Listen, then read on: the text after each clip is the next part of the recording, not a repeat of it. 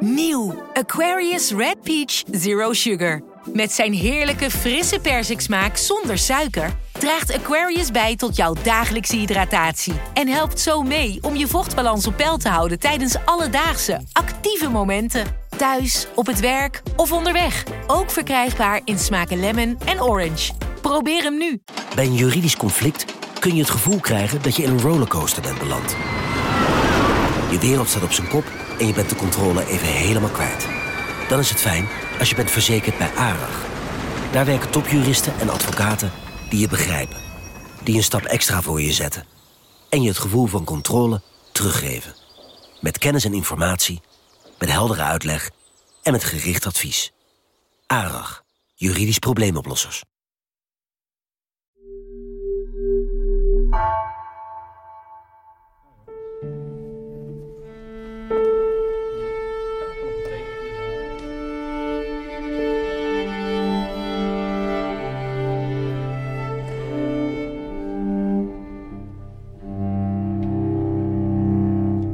Met Jezus kun je alle kanten op.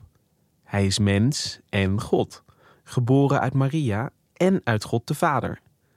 In de middeleeuwen werd Jezus vereerd als keizer van het heelal, maar werd ook intens lijdend afgebeeld aan het kruis.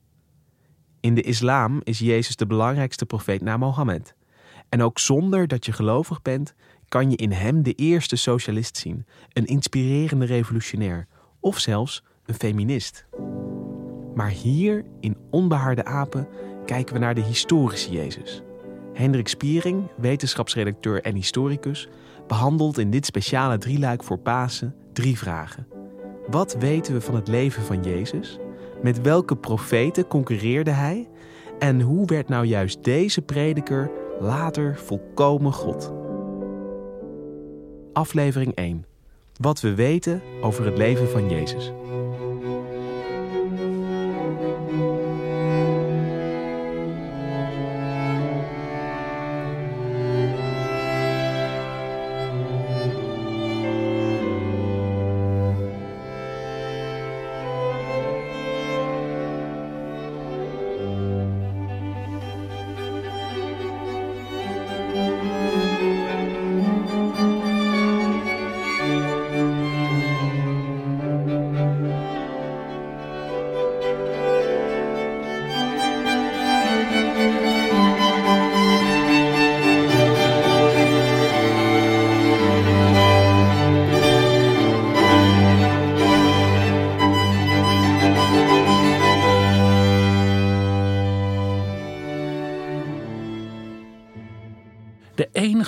Zoon van God.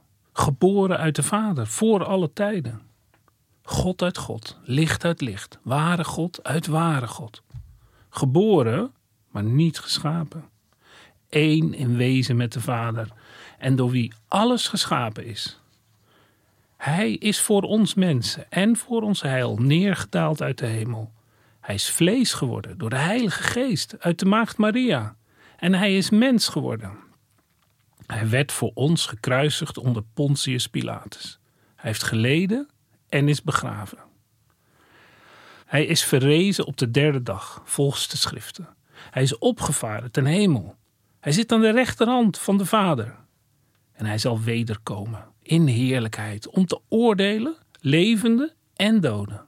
En aan zijn rijk komt geen einde. Ja, dit is wat er van Jezus gemaakt is in het christendom. Van de Joodse profeet Jezus van Nazareth. Ongeveer drie eeuwen na zijn dood. Ik las een stukje voor uit het Symbolum Apostolorum, dat ook wel bekend staat als het Credo. Het is de definitie van christelijk geloof die is vastgesteld op een paar kerkvergaderingen in de vierde eeuw. En als je het nu leest, is het eigenlijk bijna onbegrijpelijk en vol tegenstrijdigheden. Waarlijk God, vlees geworden, geboren, maar niet geschapen, wederkomen. Simpele taal is het niet. Maar het credo is toch nog altijd een goede samenvatting van de hoofdstroming van het christendom. In de een of andere vorm wordt het nog altijd in miljoenen kerken over de hele wereld gezongen en aangehoord.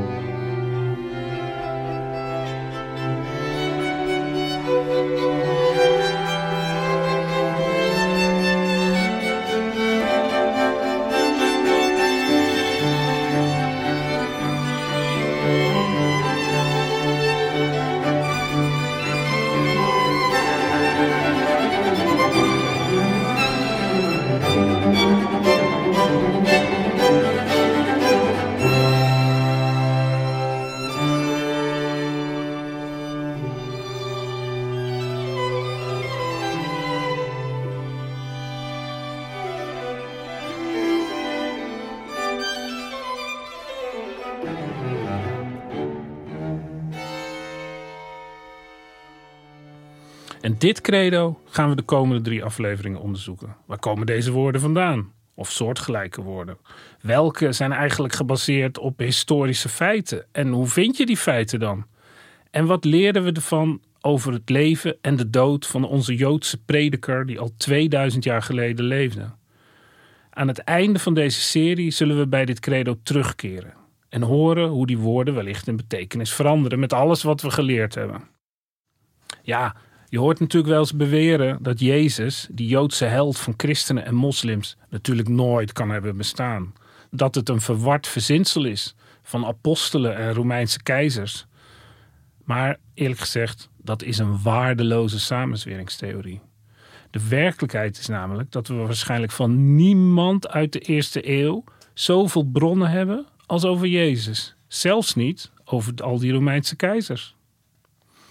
Bijna 2,5 miljard christenen vereren nu Jezus. En miljoenen anderen denken dat ze nog een appeltje met hem te schillen hebben. Het probleem is dus vooral dat we over Jezus gewoon nooit genoeg weten om iedereen van dienst te kunnen zijn. Maar sinds de 19e eeuw is er gelukkig wel een hele wetenschap van de historische Jezus opgezet. Door toepassing van de kritische historische methode. En die zal in onze afleveringen de enige leidraad zijn. Maar wat is die historische methode? Het lijkt een beetje op de recherchetechniek van de politie. Simpelweg komt het erop neer dat een bepaalde bewering, Jezus is God, hij is mens, hij was een timmerman, steeds aannemelijker wordt als je voor dat feit meerdere onafhankelijke bronnen vindt. Zo staat bijvoorbeeld wel vast dat Jezus door de Romeinen is gekruisigd in Jeruzalem, want dat feit komt in alle bronnen voor. Er is ook een tweede vuistregel van de historische methode. Soms zie je feiten die worden doorverteld in een context waarin ze eigenlijk gênant en pijnlijk zijn. En die moet je dus serieuzer nemen. Ook daarvan is de kruisiging een goed voorbeeld. Want niemand zou zoiets achteraf over zijn geestelijk lijden gaan verzinnen. Een kruisiging. Zo'n smadelijke dood moet dan wel waar zijn. Of Jezus na die gruwelijke terechtstelling daadwerkelijk uit de dood is opgestaan, zoals gevierd wordt met Pasen, is niet meer vast te stellen. En echte wonderen vallen ook per definitie buiten de geschiedwetenschap. Maar wat de historicus wel kan vaststellen, is dat in ieder geval de volgelingen van Jezus van die opstanding overtuigd waren. Oké, verschillende historische bronnen, die ons misschien dan niet oog in oog brengen met de historische Jezus, maar we kunnen hem wel zien in een soort wazige spiegel, dankzij die historische methode. En welke bronnen hebben we? Ik ga er een paar af. De belangrijkste bron, dat is natuurlijk het Nieuwe Testament. Dat is het in het Grieks geschreven christelijke deel van de Bijbel, dat, zoals waarschijnlijk iedereen weet, twee delen heeft. Want het bestaat ook nog uit het Joodse Oude Testament. En dat Nieuwe Testament, waar we nu in gaan duiken, bestaat goddank niet uit één zwaar geredigeerd verhaal, maar uit 27 losse boeken. Met allemaal hun eigen auteurs, hun eigen toon en hun eigen inhoud. De meeste boeken zijn brieven van apostelen. En de interessantste daarvan zijn de brieven van de apostel Paulus, want die zijn de oudste boeken van het Nieuwe Testament. Ze stammen al uit de jaren 50 van de eerste eeuw, amper 20 jaar na de dood van Jezus. En typisch aan Paulus is dat hij helemaal bezeten was van de opstanding van Jezus. Dat was voor hem het allerbelangrijkste. En Paulus, of zoals hij in het Hebreeuws heet, Saulus, heeft Jezus zelf nooit ontmoet. Hij begon ook helemaal niet als volgeling van Jezus. Sterker nog, Paulus was aanvankelijk een vervolger van de eerste christenen, omdat hij ze godslasteraars vond. Maar hij bekeerde zich. En van die bekering staan er twee versies in de Bijbel. Eén in het Bijbelboek Handelingen en één in een brief van Paulus zelf. We beginnen bij die eerste versie, in het boek Handelingen, dat door iemand anders en veel later is geschreven dan die brief. Het is ook het mooiste verhaal en dat gaat als volgt. Toen Saulus onderweg was en Damascus naderde, werd hij plotseling omstraald door een licht uit de hemel. Hij viel op de grond en hoorde een stem tegen hem zeggen: Saul, Saul, waarom vervolg je mij? En Saul vroeg: Wie bent u, Heer? En het antwoord was: Ik ben Jezus, die jij vervolgt. Maar sta nu op en ga de stad in, daar zal je gezegd worden wat je moet doen. De mannen die met Saulus meereisden stonden sprakeloos. Ze hoorden wel de stem, maar ze zagen niemand. Een dramatische scène, een lichtflits, een stem met getuigen. Zo staat het in het boek Handelingen. Jezus verschijnt aan Paulus en daarna gaat Paulus naar de christenen in Damascus om, om te zeggen dat hij zich bekeerd heeft en zijn leven neemt een andere wending. Maar Paulus zelf beschrijft dit incident echter net even anders. Zo valt te lezen in een van zijn eigen brieven, die aan de Galaten, die veel ouder is dan het boek Handelingen. Ik citeer even uit zijn brief. En toen besloot God, die mij al voor mijn geboorte had uitgekozen en die mij in, door zijn genade heeft geroepen, zijn zoon in mij te openbaren, opdat ik hem aan de heidenen zou gaan verkondigen. Ik heb toen geen mens om raad gevraagd. Heel sober is deze ja, authentieke versie van Paulus zelf. Dat mooie dramatische verhaal op weg naar Damascus ontbreekt volkomen. En zo zitten we gelijk in het historische speurwerk. Want heeft die handelingen schrijven dat mooie dramatische verhaal op weg naar Damascus dan misschien gewoon verzonnen om het allemaal wat mooier te maken? We weten het niet. De details verdwijnen in de mist. En dat is het frustrerende van de historische methode. Want mooi is vaak niet waar.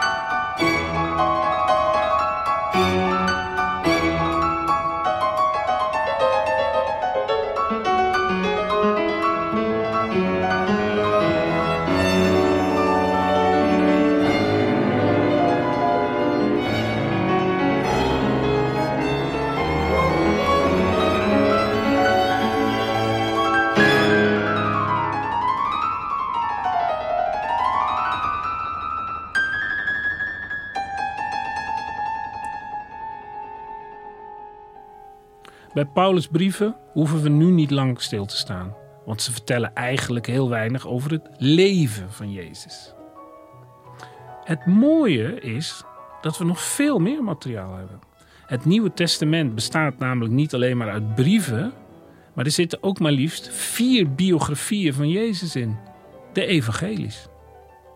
Vaak worden die evangelies als één verhaal beschouwd, maar in werkelijkheid zijn het echt heel verschillende verhalen die ook op verschillende momenten zijn geschreven, ongeveer tussen 70 en 100 na Christus. Dus een stuk later dan Paulus. Marcus is het oudste evangelie waarin het leven van Jezus wordt verteld. Jezus begint daarin als een soort leerling van een andere prediker, Johannes de Doper. En Jezus neemt allerlei religieuze ideeën en handelingen van hem over en begint daarna, zou je kunnen zeggen, voor zichzelf. En Jezus bewijst vervolgens dat hij door allerlei genezingen en duivelsuitdrijvingen een echte uitverkorene van God is. Jezus is er zelfs een soort Messias, een ware koning van Israël, maar wel een koning incognito, die enorm wordt tegengewerkt door fariseeërs en tempelpriesters. En uiteindelijk sterft hij aan het kruis. Dat is het verhaal van Marcus. En om er een idee van te krijgen, hier is zo'n typische Marcus-vertelling over een genezing. Er werd iemand bij Jezus gebracht, die doof was en gebrekkig sprak. En men smeekte hem om deze man de hand op te leggen. Jezus nam de man apart, weg van de menigte, stak zijn vingers in diens oren, raakte met speeksel zijn tong aan. En Jezus sloeg zijn blik op naar de hemel, zuchtte diep en zei tegen hem: Ephata. Wat zoveel betekent als: ga open. Meteen gingen zijn oren open, zijn tong kwam los en hij kon normaal spreken. Jezus beval de omstanders aan om niemand te vertellen wat er gebeurd was. Maar ja, hoe strenger hij het hun verbood, hoe meer ze het rondvertelden. De mensen waren geweldig onder de indruk en zeiden: alles wat Jezus doet is goed. Zelfs doven laat hij horen en stommen laat hij spreken. Maar nu moeten we ook opletten, want precies ditzelfde verhaal staat in twee andere evangelies, die van Matthäus en Lucas. En dan denk je, historische methode, drie bronnen, dat moet wel waar zijn. Dat is de historische methode. Maar nee. Als je goed kijkt naar de teksten, dan zie je dat Matthäus en Lucas dit verhaal en nog heel veel andere gewoon hebben overgeschreven uit Marcus. Die twee latere evangelisten hebben hun Jezusbiografie geschreven met de tekst van Marcus op hun schrijftafel. Alleen al daaruit wordt duidelijk dat de evangelies van Lucas en die van Matthäus later moeten zijn geschreven dan die van Marcus. En dan is er met die evangelies van Lucas en Matthäus nog iets bijzonders aan de hand. Misschien een beetje ingewikkeld, maar behalve uit Marcus' tekst putten die twee evangelisten ook uit een andere gezamenlijke bron, die we verder niet kennen, die verloren is gegaan. En die wordt Q genoemd, naar het Duitse woord kwelle, dat bron betekent. Het bestaan van deze bron Q is pas in de loop van de 19e eeuw ontdekt. Q kwam tevoorschijn toen ze gingen kijken naar de verhalen die Lucas en Matthäus gemeenschappelijk hebben, soms woord voor woord, maar die dan niet in Marcus staan. Dat vind ik echt ongelooflijk. Want Q lag in feite voor het oprapen als je die teksten zorgvuldig naast elkaar legt. Maar pas 1800 jaar nadat die evangelies zijn opgeschreven, was er voldoende afstand om deze teksten kritisch en wetenschappelijk te analyseren. En dat Q, daar is verder geen manuscript van, maar we kennen dus wel de verhalen die erin gestaan hebben. En om er een idee van te geven, ga ik een mooi verhaal ervan voorlezen. Dat gaat over de Kanaïtische niet-Joodse vrouw. Die Kanaïtische vrouw die komt Jezus tegen en ze smeekt hem om bij haar dochter een duivel uit te drijven. En dan gebeurt er iets geks.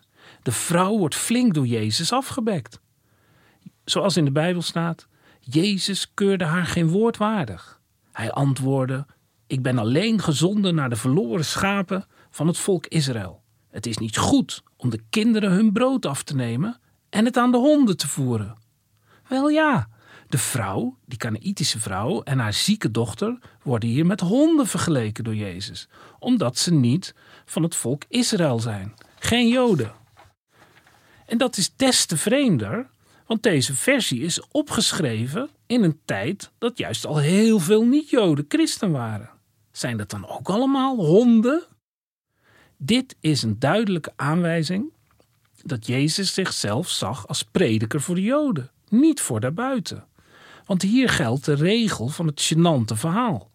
Als het even kon, hadden de evangelisten dit verhaal vast liever weggelaten. Maar dit verhaal over de Kanaïtische vrouw is kennelijk zo bekend geweest dat de evangelisten het niet konden negeren. En dat ze ook zelf wel voelden dat het gênant was, zie je aan hoe ze de afloop van het verhaal vertellen. En dat gaat zo. Want die onbeschrokken Kanaïtische vrouw weet Jezus met een slimmigheidje te overtuigen dat wonder toch te verrichten, die dochter toch te genezen. Zoals het in de Bijbel staat, ze zei, zeker heer, maar de honden eten toch de kruimels op die van de tafel van hun baas vallen? En dan geneest Jezus toch het kind, dat hij net nog met een hond had vergeleken. Toch nog een wonderlijke genezing. Zo breien Lucas en Matthäus de ongemakkelijke uitspraak van Jezus recht.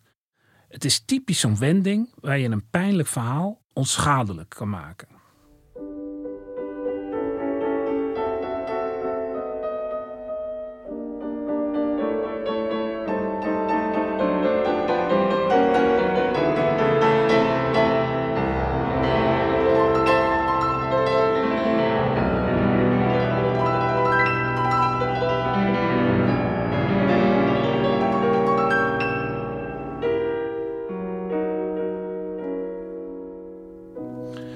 Op deze manier gaan historici dus te werk. Door vergelijking en analyse kun je een heel netwerk van waarschijnlijkheden en minder waarschijnlijkheden bij elkaar sprokkelen. We hebben nu al een aantal christelijke bronnen gehad. De brieven van Paulus, het evangelie van Marcus. We hebben Q gereconstrueerd. En we waren dus bij Lucas en Matthäus. En Lucas en Matthäus leggen ook weer eigen accenten. Kort gezegd, Matthäus benadrukt dat Jezus een Joodse prediker is. In Matthäus is de Joodse wet heel belangrijk. Jezus is eigenlijk een soort nieuwe Mozes. Maar Lucas die benadrukt juist weer dat Jezus een profeet is voor de niet-Joden. En dan is er nog een vierde evangelie. En dat staat helemaal apart van die andere drie. Dat is het evangelie van Johannes. Dat is het laatst geschreven evangelie waarin ineens ook niet meer de nadruk ligt op de woorden en daden van Jezus, maar eigenlijk op zijn goddelijkheid. In Johannes wordt de grootste wending in het Nieuwe Testament gemaakt. Dat je niet langer de boodschap van Jezus ter harte moet nemen, maar dat het geloof in Jezus zelf het belangrijkste is. Nergens in het evangelie van Johannes worden er bijvoorbeeld duivels uitgedreven door Jezus. In Johannes houdt Jezus vooral lange speeches.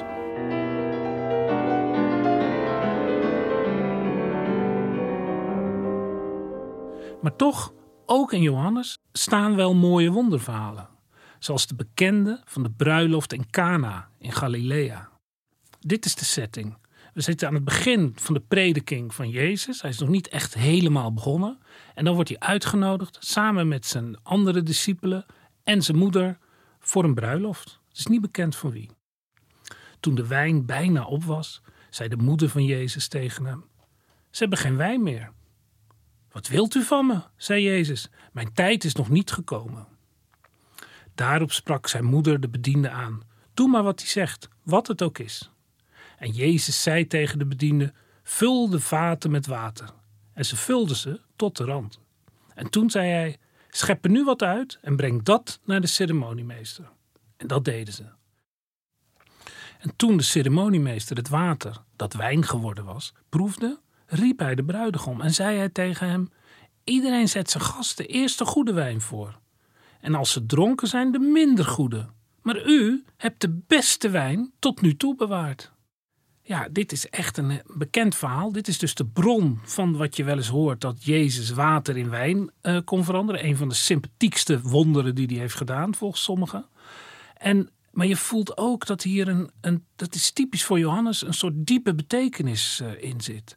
Van dat tegenstribbelen van Jezus en dat hij het dan toch doet, dan geeft toch een teken. En dan die geheimzinnigheid van: u hebt de beste wijn tot het laatst bewaard. Alsof de, pas aan het einde der tijden het echte beste wordt afgeleverd. Er zijn heel veel ideeën over dit verhaal. En daarom wordt Johannes ook wel eens het meest mystieke evangelie genoemd. Overal liggen betekenis achter. Geen enkel verhaal is simpel. Bot gezegd, Jezus was in de andere evangeliën een soort duivelsuitdrijver die naast de liefde predikt. En hier in Johannes stappen we in één keer door naar een Jezus die al meer God dan mens is. Alleen in Johannes zegt Jezus dingen als: Ik ben de weg en de waarheid en het leven.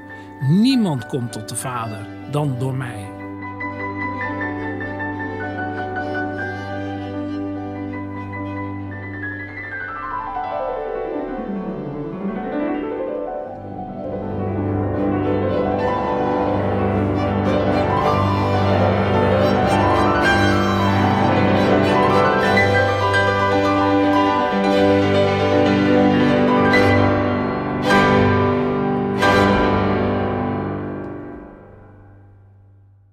Tot zover dus het Nieuwe Testament. Maar we moeten ook nog naar een andere belangrijke bron die vaak vergeten wordt. Want er zijn ook nog niet-christelijke bronnen. De belangrijkste is het boek De geschiedenis van de Joden. Van de Joodse historicus Flavius Josephus. Dat hij tegen het einde van de eerste eeuw schreef. Dus echt kort na de tijd van Jezus. Eigenlijk in de tijd van de evangelies. Jezus wordt hier in dit geschiedenisboek vrij terloops genoemd. Het gaat helemaal niet over Jezus, hij komt er en passant in voor. De historicus vertelt eigenlijk aan het einde van die hele lange geschiedenis van de Joden over de Romeinse stadhouder Pontius Pilatus in de tijd van Jezus. En als een soort terzijde vertelt hij dan ook iets over Jezus. Ja, en ik kan nu niet precies gaan voorlezen zoals Josephus het bedoeld heeft. Want hier is ook weer zo'n historisch dingetje. We kennen dit werk van Josephus alleen maar uit christelijke manuscripten. En dat maakt het tot een omstreden passage. Want christenen hebben het gekopieerd. Dat is al verdacht. En ze hebben het mooier gemaakt. Dat is ook wel duidelijk. En ze hebben het vooral christelijker gemaakt. De christelijke toevoegingen kun je er, als je die tekst goed bestudeert, ook vrij makkelijk weer uitvissen. En zo probeer ik dat nu te gaan voorlezen. Ik hoop dat je het meteen kan horen. Luister maar. In die tijd leefde Jezus, een wijs man. Voor zover het geoorloofd is hem een man te noemen. Dat is natuurlijk typisch christelijk, want ja, hij is eigenlijk ook God. Gaan we verder. Hij verrichtte namelijk daden die onmogelijk werden geacht. En hij was leermeester van mensen die met vreugde de waarheid tot zich namen. Waarheid. Veel Joden, als ook veel van de Grieken, bracht hij tot zich. Hij was de Messias. Ook nadat Pilatus hem na een beschuldiging door de Joodse leiders de straf van het kruis had opgelegd, gaven zij, die eerst in liefde waren gaan leven, niet op. Hij was namelijk aan hen verschenen op de derde dag, opnieuw levend. De goddelijke profeet hadden die dingen en ontelbare andere wonderbaarlijke dingen over hem gezegd. Oké. Tot op de dag van heden is de naar hem genoemde groep van de christenen niet verdwenen. Door die christelijke woorden weg te denken, kun je in deze tekst wel een soort authentieke kern vinden die daarmee historisch is. Voor wie het verschil nog niet zo duidelijk is, lees ik het nog een keer voor, zonder die toevoegingen. In die tijd leefde Jezus, een wijs man. Hij verrichtte daden die onmogelijk werden geacht en hij was leermeester van veel mensen die daar heel blij mee waren. En veel Joden, als ook veel van de Grieken, bracht hij tot zich. Ook nadat Pilatus hem na een beschuldiging door de Joodse leiders de straf van het kruis had opgelegd, gaven zij niet op. En tot op heden is de naar hem genoemde groep van de christenen niet verdwenen. Dit is dus die authentieke kern, die de historicus Flavius Josephus waarschijnlijk zo heeft opgeschreven. En je hoort dat ook in dat laatste zinnetje. Tot op heden is de naar hem genoemde groep niet verdwenen. Dat zouden christenen er natuurlijk zelf nooit bij verzinnen. Alsof ze ooit zouden kunnen verdwijnen.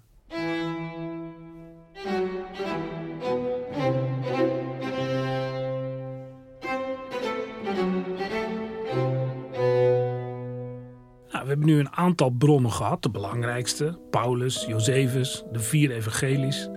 En die kan je dan van gaan vergelijken. Dat is natuurlijk een enorm werk, er staat heel veel in. En dan kom je er snel achter dat de meeste details overal anders zijn. Die ruzies met de fariseeërs, al die contacten van Jezus met zijn leerlingen, de chronologie van de intocht in Jeruzalem, het proces van Pilatus, de kruisiging, overal wordt het anders verteld. Maar toch, al vergelijkend, kun je een lijstje gaan maken van de grootste waarschijnlijkheden. Eigenlijk de feiten met de meeste bonuspunten volgens de historische methode. Ik geef een soort opsomming. Je zou kunnen zeggen een cv'tje van Jezus van Nazareth. Nou, daar gaat hij. Jezus is geboren in Nazareth, waarschijnlijk als oudste zoon in een groot Joods gezin. Het lijkt er niet op dat hij ooit trouwde. Als jonge man begon hij zijn prediking als een soort leerling van Johannes de Doper. Jezus neemt het dopen van Johannes over en ook zijn prediking lijkt op die van Johannes. Bekeert u, want het koninkrijk der hemelen is nabij. En om zijn kracht te bewijzen voltrok Jezus genezingen en duivelsuitdrijvingen die door zijn omgeving behoorlijk opzienbarend werden gevonden. En de boodschap die Jezus uitdraagt is: Het koninkrijk des hemels is aanstaande en het is verstandig je daar nu op voor te bereiden door goed te leven en al je bezit aan de armen te geven.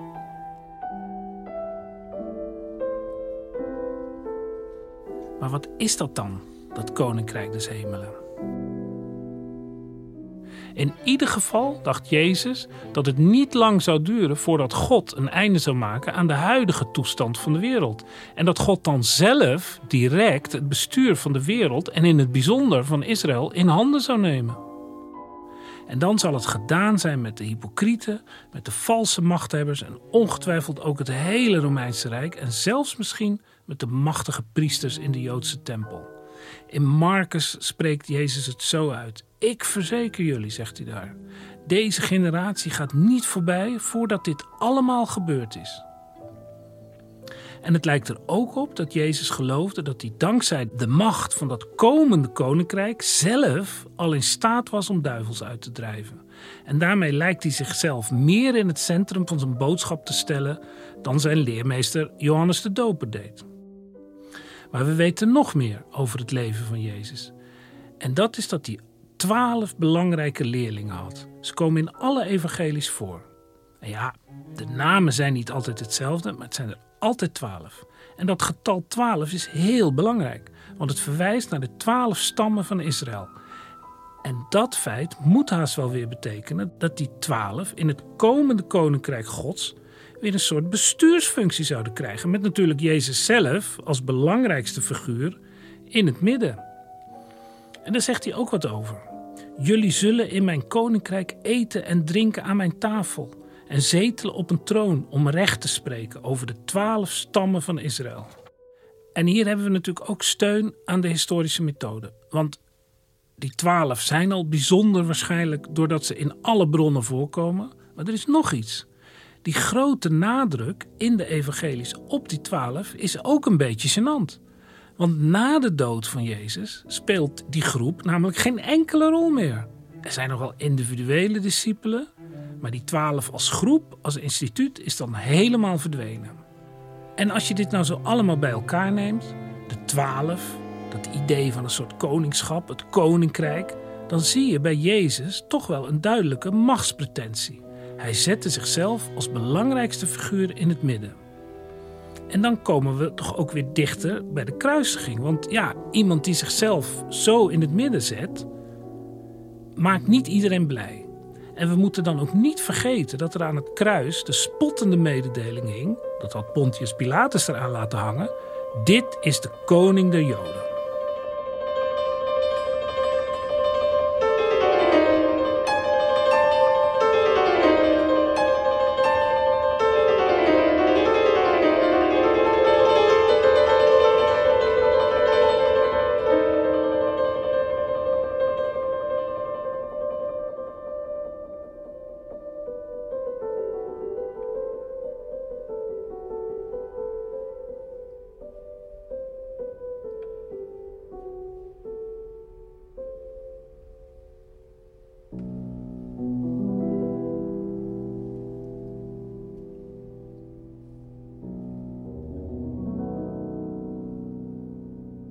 Dus we hebben nu al die christelijke en niet-christelijke bronnen gewogen. En nu is het tijd om weer even terug te keren naar dat credo, waar we de aflevering mee begonnen. Dat zullen we in deze serie nog wel vaker doen. Het is nu even tijd voor een tussenstand. Want hoeveel woorden uit het lange credo, die eigenlijk bepalen wie is Jezus, hebben we nu historisch kunnen bevestigen? Precies één zinnetje. De volgende. Hij werd gekruisigd onder Pontius Pilatus. Hij heeft geleden en is begraven. Dat zinnetje. En dan heb ik nog weggelaten dat hij, zoals in het credo staat, voor ons gekruisigd is. Ja, daarvan mag iedereen zelf weten of dat waar is. Daarover zwijgt de historicus.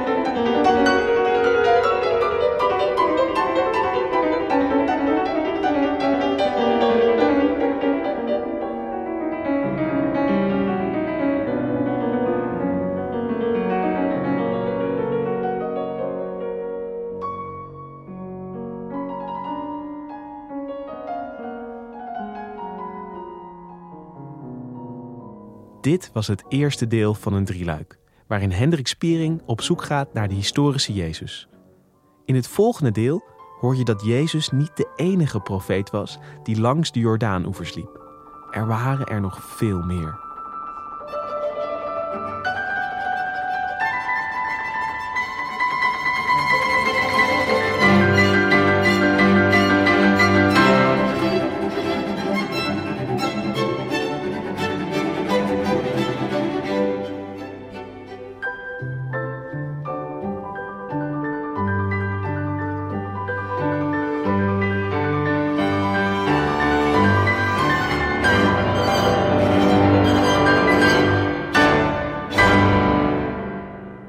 Deze podcast werd gemaakt door Mirjam van Zuidam, Jeppe van Kesteren en Hendrik Spiering. De muziek werd gespeeld door het Dudok Quartet. In het vierde pianoconcert van Beethoven hoorde je ook pianist Hannes Minnaar en altvioliste Simone van der Giezen. De financiële markten zijn veranderd, maar de toekomst, die staat vast. We zijn in transitie naar een klimaatneutrale economie. Dit biedt een van de grootste investeringskansen van onze generatie. Een kans voor u om mee te groeien met de pioniers van morgen. Meer weten? Ga naar carbonequity.com. Carbon Equity. Do good by investing better.